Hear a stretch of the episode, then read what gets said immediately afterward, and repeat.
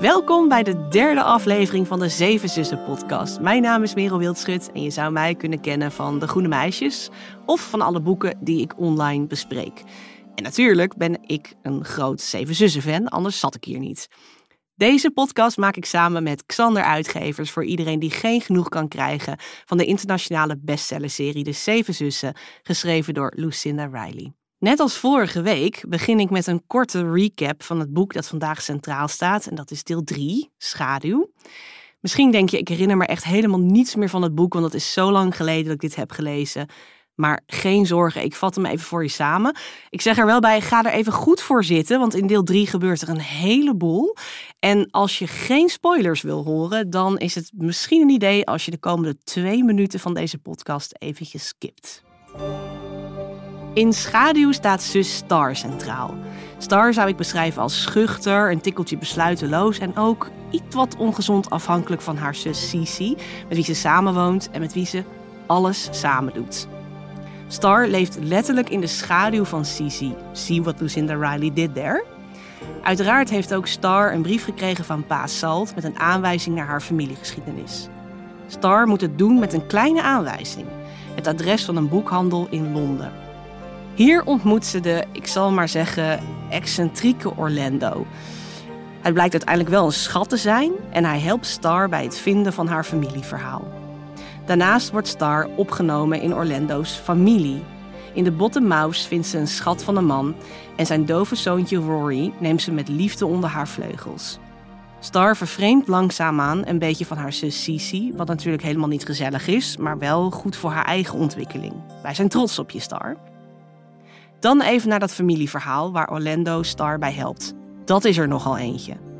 We gaan terug naar het Londen van 1909, waar Flora McNichol wordt opgenomen in het gezin van Alice Keppel, die een affaire blijkt te hebben met de koning. En nu ga ik omwille van de tijd even een paar stappen overslaan. Flora erft een flinke smak geld, waarmee ze een schattige cottage op het Engelse platteland koopt. Beatrix Potter, ja, die van dat beroemde konijn, blijkt haar buurvrouw te zijn en de twee vrouwen worden besties. Flora heeft zelf nooit kinderen gekregen, maar ze adopteert een weesje genaamd Teddy en voedt hem op als haar eigen zoon. Wanneer Teddy volwassen is, krijgt hij een korte relatie met Tessie en de twee krijgen een dochter, Patricia Smith. Deze Patricia krijgt twintig jaar later dan ook weer een dochter, Sylvia of Petula. Beide namen worden gebruikt en dat, en nu zijn we er hoor, is de moeder van Star. Nou, zoals ik al zei, dat was me nogal wat. Maar ook in deel 3 krijgt Lucinda Riley met allerlei omwegen de cirkel toch weer rond. En daar heb ik echt weer heel erg van genoten. Zoals in iedere aflevering nodig ik een gast uit die met me meereist in de wereld van de Zeven Zussen. En vandaag is dat Amber Malik, die als redacteur bij Xander Uitgevers werkt. Amber, superleuk dat je er bent. Heel leuk dat ik er ben. Ja. Hoi. Um, stel jezelf eventjes uh, voor, alsjeblieft. Ja, uh, nou ja, je zei het zelf net al. Ik ben uh, Amber Malik. Ik ben redacteur bij Xander. ik ben 31. En ik begon hier in 2018 als stagiair destijds. En oh. ja, nu weer terug. Ja, ja. leuk. 2018, dat is wel ongeveer mm -hmm. een beetje met de, gelijk aan de start van de Zeven Zussen serie. Ja, ik was wel uh, aan het eind van 2018. Dus er waren denk ik al drie boeken uit ja, op dat moment. Ja, maar ja. we zaten echt wel net op het hoogtepunt van dat het net lekker begon te lopen. Dus het was een goede binnenkomen. Nou, daar ga ik allemaal nog heel veel over vragen waarschijnlijk straks. Voordat we echt het gesprek induiken. Um, voor de mensen thuis die niet uh, thuis zijn in het boekenvak. Wat houdt het werk van een redacteur bij een uitgeverij ongeveer in? Nou ja, een heleboel eigenlijk. Uh, natuurlijk uh, spelfouten eruit halen, correcties bekijken van de corrector die dat heeft doorgevoerd. Uh, maar eigenlijk alles wat je met taal kan bedenken hoort er een beetje bij. Dat is het, is het leuke eraan. Dus als er een drukproef binnenkomt, dan kijken wij er even naar. Dan kijken we naar de opmerkingen van de persklaarmaker. Dat is iemand die de drukproef klaarmaakt voordat hij überhaupt als pdf wordt gemaakt. Ja. Uh, maar ik mag ook uh, zelf dingen vertalen. Bijvoorbeeld, we hebben wat uh, luxe edities van de boeken. En er staat, zit wat extra materiaal in. Oh, ja. dat wist ik helemaal niet. Ja, even een aanrader voor de fans die ja. er niet van op de hoogte zijn. Nou, waaronder ik inderdaad. Ja. Extra materiaal? Waar, even tussendoor, waar moet ik dan aan denken? Nou, Lucinda heeft uh, toen ze nog leefde veel uh, Q&A's gedaan. Ze heeft ook voor elk personage een soort van achtergrondverhaal geschreven over waar alles op gebaseerd is, oh. waar ze de oh. inspiratie vandaan heeft gehaald. Uh, dat soort dingen. En dat, dat verwerk jij dan? Of daar, ja. dat doe jij dan iets mee, zeg maar? Ja, we hebben eigenlijk uh, later dus besloten dat het leuk zou zijn om dat dan uh, beschikbaar te maken voor ja. iedereen. Um, en omdat ik ook uh, redelijk goed ben in Engels, oh, ja. uh, heb ik het toen vertaald. Ja. ja, precies. Oh, vertalen komt er dan ook nog bij in dit geval? In dit geval wel, ja. dus eigenlijk heel veelomvattend, maar ook heel creatief werk, als ik het zo hoor. is dat, dat altijd zo of is dat bij de Zeven Zussen-serie specifiek zo uh, Nou, het is bij de Zeven Zussen wel extra leuk natuurlijk, omdat we lekker kunnen uitpakken hiermee. Oh, dus in dit geval heb jij ook nog dingen vertaald? Ja, maar ik ben natuurlijk niet de vertaler van de boeken zelf. Nee. Uh, we hebben meerdere vertalers die dat uh, hebben gedaan. We hebben een heel team aan mensen die uh, elk boek doen. Die werken er echt heel hard aan en echt heel nauw samen om dat te realiseren. Ja. Uh, maar dit was wat extra content. Dus vandaar dat ik dat even heb opgepakt. Ja, precies. Maar het is heel knap wat ze doen. Het is echt uh, ja, bizar. zeker als het echt om meerdere mensen gaat ook. Ja. Uh, kan ik me zo voorstellen. En um, verder heb jij ook contact bijvoorbeeld met, met mensen die jullie die boeken lezen. komen er e-mails binnen op de uitgeverij? Of hoe stel ik me dit zo voor? Want ik weet dat er heel veel fans zijn. Ja, er zit echt een gigantisch enthousiaste community omheen. Het is heel leuk om te zien.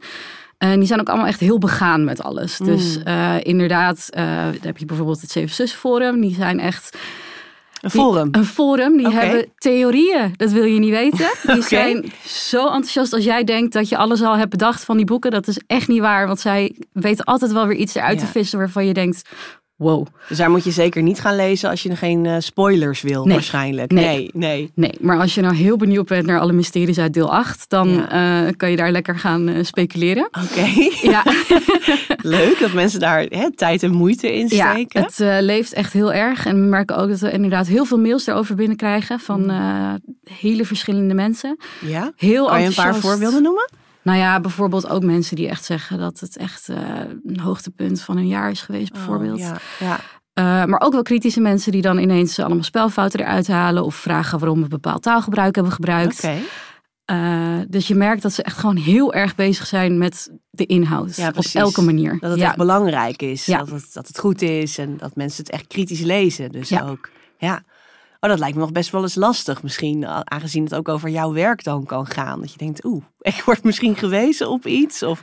Nou ja, het is mensen juist alleen maar fijn om te horen. Ja. Dan kunnen we er wat aan doen als, ja, het, uh, als het niet goed is. Ja. Dus uh, moet je vooral niet persoonlijk opvatten. Nee, nee, nee, dat is natuurlijk ook zeker niet. Nee. Het lijkt me wel heel leuk om te zien hoe het leeft bij de mensen. Dat is natuurlijk lang niet bij elk boek zo. Er zijn ook boeken die worden uitgegeven en dan eh, hoor je daar gewoon misschien nooit meer zo heel veel over. Mhm. Eh, maar bij deze serie heb ik dus het idee dat het, ja, er een hele wereld omheen zit ja. eigenlijk. Ja, het is de wereld eromheen. Het is de setting van het boek. Het is dat iedereen zich wel met een zus kan identificeren. Ja. Het is uh, echt alle aspecten eraan zijn echt gewoon heel. Het werkt gewoon echt heel goed. Ja, maar daar wil ik ook eventjes naartoe eigenlijk. Want ik, ja, als redacteur ben jij hier op uh, professioneel gebied natuurlijk mm. Heel de tijd mee bezig geweest de afgelopen jaren. Betekent ook dat je die boeken allemaal gelezen hebt. Ja.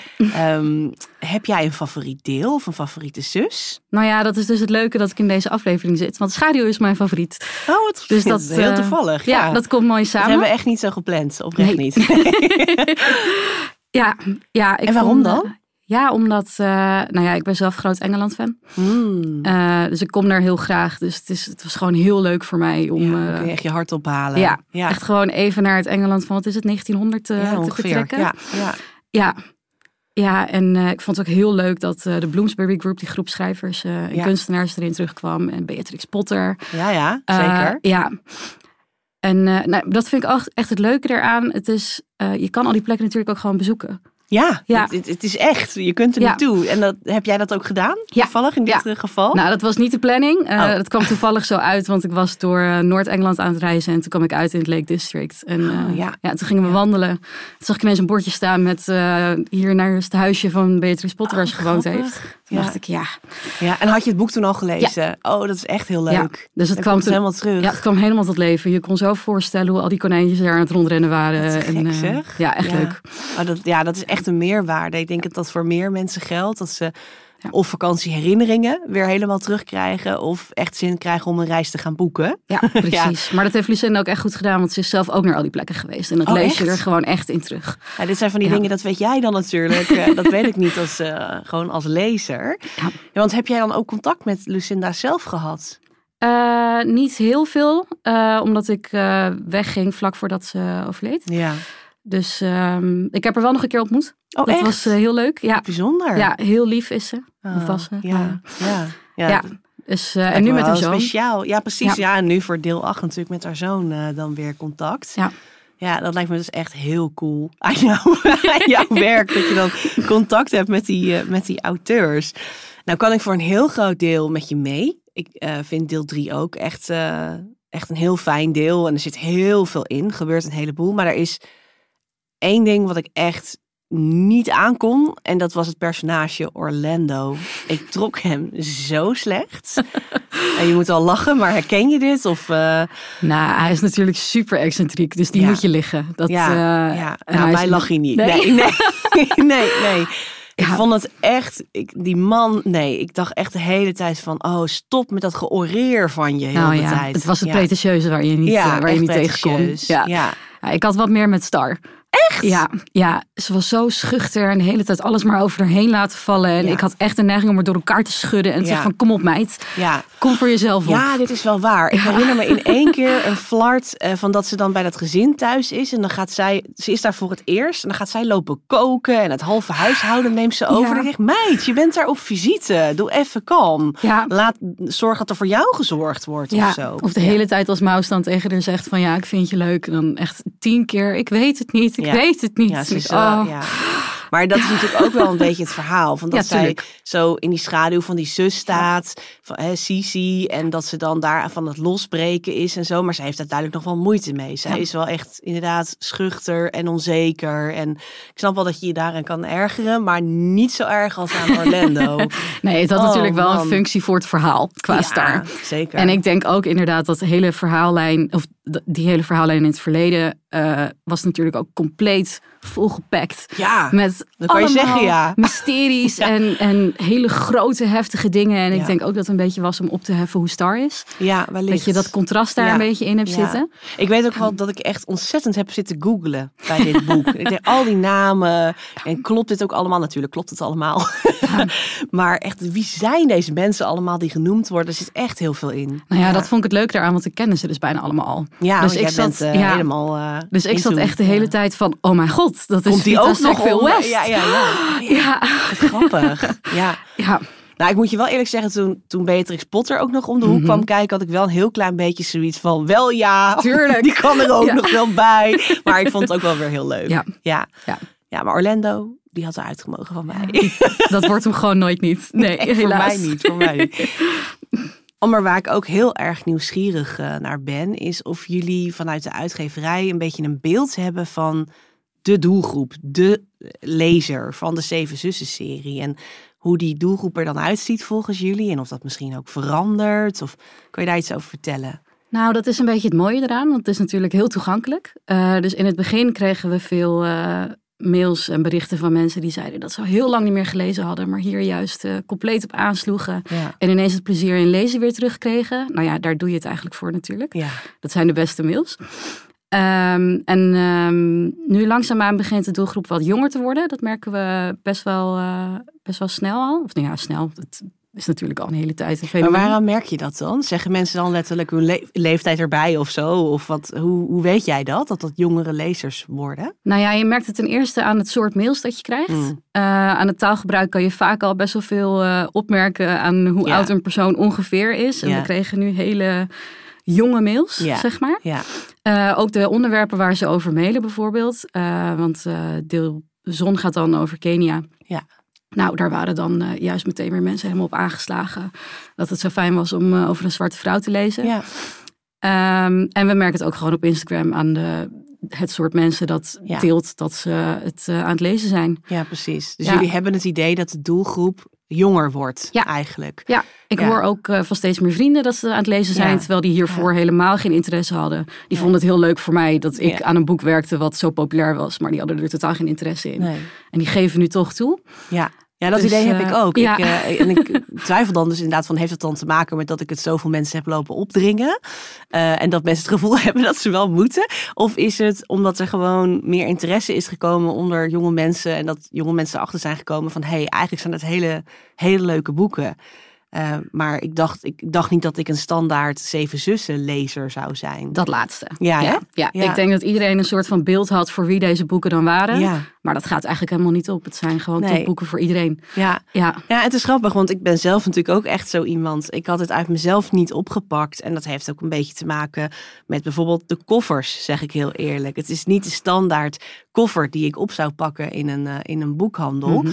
Dus ik vind het ook heel leuk om te ontdekken dat dat nou ja, hè, niet altijd iets wil zeggen. En dat je soms buiten je comfortzone moet Ja. lezen. Om te ontdekken van, hé, hey, maar dit genre vind ik ook heel leuk. Of ehm, ja, zet jezelf er een beetje overheen of zo. Over dat idee van wat voor soort boeken je hoort te lezen. nou ja, dan gaat eh, Don't Judge a Book by its cover Ja. hier natuurlijk eh, ja, weer lekker op. zeker. Absoluut. Ja, nee, maar ik denk echt dat dit gewoon genre-overstijgend is. Het is de emoties raken, de settings raken, de personages raken. Ja, hè? En dat is waarom het werkt. Ja, dat denk ik ook. Ja, want dat wilde ik je natuurlijk vragen. Van wat is volgens jou echt het grote geheim achter het succes van deze serie? Ehm, Ja. is, dat, is dat te vatten in, in een zin? Ik denk, als we dat zouden weten, zouden al onze boeken wel eh, Ja. zo gigantisch goed Ja. gaan. Ja, ja, Het is gewoon, ja, het werkt. Het raakt gewoon een snaar. ja, Dat is het. Het raakt een snaar. ja, En bij iedereen is die snaar net weer anders. ja. Maar het is universeel genoeg Ja. dat het gewoon, eh, het werkt. Ja, dat is heel Ja. leuk dat je dat zegt. Want ik had in aflevering 2 een gesprek met een bibliotheekmedewerker. Mhm. En die heeft dus ook het idee dat iedereen die boeken weer op zijn eigen manier leest. En dat allerlei aspecten uit de boeken spreken andere mensen weer aan, zeg maar. Waardoor het heel universeel is, Ja, inderdaad. En voor heel veel mensen heel toegankelijk. Ja. Ja, dat is denk ik echt wel een, eh, een geheim achter het, eh, achter het succes, inderdaad. Ehm, nou, jullie werken nu toe naar de grote lancering van deel 8 Ja. ofwel het laatste deel. Ehm, jij hebt ook contact met eh, de auteur, dus ofwel de zoon van Lucinda Riley. Kan je daar iets over zeggen? Wat voor iemand is dat? Hij is heel leuk. Ja? eh, hij was hier ook, eh, wat was het, in januari was hij hier even voor, om wat promotie te doen. En het was gewoon heel gezellig. En het is heel knap hoe hij haar stem eh, heeft weten neer te zetten. Het Ja. is, eh, ik heb het stiekem al mogen lezen. Echt waar? Ja.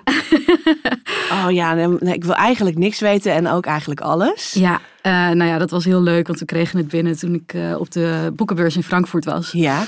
En in de trein naar huis heb ik me gewoon met mijn e-reader opgesloten in mijn hoekje. Ja. En ik dacht, als jullie allemaal eens wisten wat ik nu aan het lezen ben, Ja. jullie zouden zo jaloers zijn. Maar Ja, ik, dat mag natuurlijk helemaal niemand Nee. weten. Dus Nee, echt top secret. Echt top secret, ja. Ja.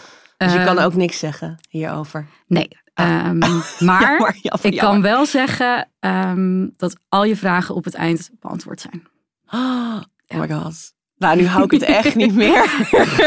Alle vragen. Ja. Ik kan me dat bijna niet voorstellen. Nee, dat had ik ook. Ik dacht ook, nou, we gaan het zien. Ja, En eh, het ik heb het, echt klaar. maar dat betekent dus ook dat er echt geen deel 9 komt. Kan ik helemaal niks over zeggen. Oh, Ja, oké. helemaal niks. Oké, oké.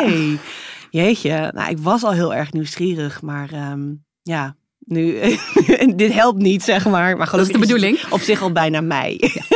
Nog heel Ja, even wachten. Ja, en wat, wat staat er jou de komende tijd eh, te wachten in het proces eh, naar het lanceren van dit boek toe? Is het een drukke tijd voor jou en wat gaat er allemaal gebeuren? Nou, de drukke tijd voor mij was eh, eigenlijk hiervoor. Eh, Ja. Maar nu is het boek eh, naar de drukker. Dus eh, Mm, dat kunnen we van ons af laten glijden. En Ja. daarna wordt het gewoon het feest. Ja, Ja, ja, te gek. dan mag de promotieafdeling... Aan de slag. Ja. ja. Ja, precies. Dus eigenlijk voor jou zit de grootste druk zit er, zit erop, Ja. zeg maar. Ja. En ehm, weet je al aan wat voor nieuw project je gaat werken hierna? Nou ja, er zijn altijd eh, een heleboel projecten aan de gang. Dus Ja. ik hoef me niet te vervelen. Nee, nee. gelukkig maar, gelukkig maar. Nou, Amber, heel erg bedankt voor dit eh, kijkje achter de schermen. Ja. Bij, eh, ja, bij het maken van zo'n serie eigenlijk. Ik had ja, van heel veel dingen geen idee hoor, hoe dat allemaal werkt. Het is me iets duidelijker geworden nu. En ehm, ja, zoals je weet kijk ik gewoon heel erg uit naar deel 8. En uh, ga je vast van mij horen wat ik daarvan vond. En misschien stuur ik je wel een mailtje. Ik wou net zeggen, je moet me maar even appen. Ik heb heel veel zin in om te horen wat je vindt. Leuk, dankjewel voor je tijd. Yes, dankjewel Akras. Nou, even voordat ik deze aflevering afsluit. Amber had het natuurlijk over een forum waarop van alles over de zeven zussen wordt besproken. Dus daar ben ik eens eventjes ingedoken. En daar las ik onder andere, ik citeer, Paas Salt is mogelijk een zoon van geheimagent Sidney Riley. Hij kwam tijdens de oorlog in het verzet terecht en is later als geheimagent in de voetsporen van zijn vader getreden.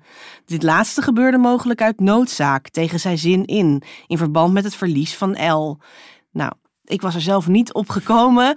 Ik weet ook niet of ik hierin mee kan. Maar ik vind het wel heel mooi om te zien dat mensen zo betrokken zijn. En dat ze ja, van alles erbij halen en bespreken met elkaar. Um, Leuk dat je er weer bij was vandaag. Volgende week komt er weer een nieuwe aflevering van de Zeven Zussen podcast online. En ik hoop dat jij er dan ook weer bij bent. Wil je nou geen enkele aflevering missen? Vergeet je dan niet te abonneren op deze podcast in je favoriete app. Atlas, het verhaal van Paasalt, het lang verwachte achtste en laatste deel van de Zeven Zussen serie, verschijnt op 11 mei 2023. Mis dit niet en reserveer alvast een exemplaar bij je lokale boekhandel of online. Tot volgende week.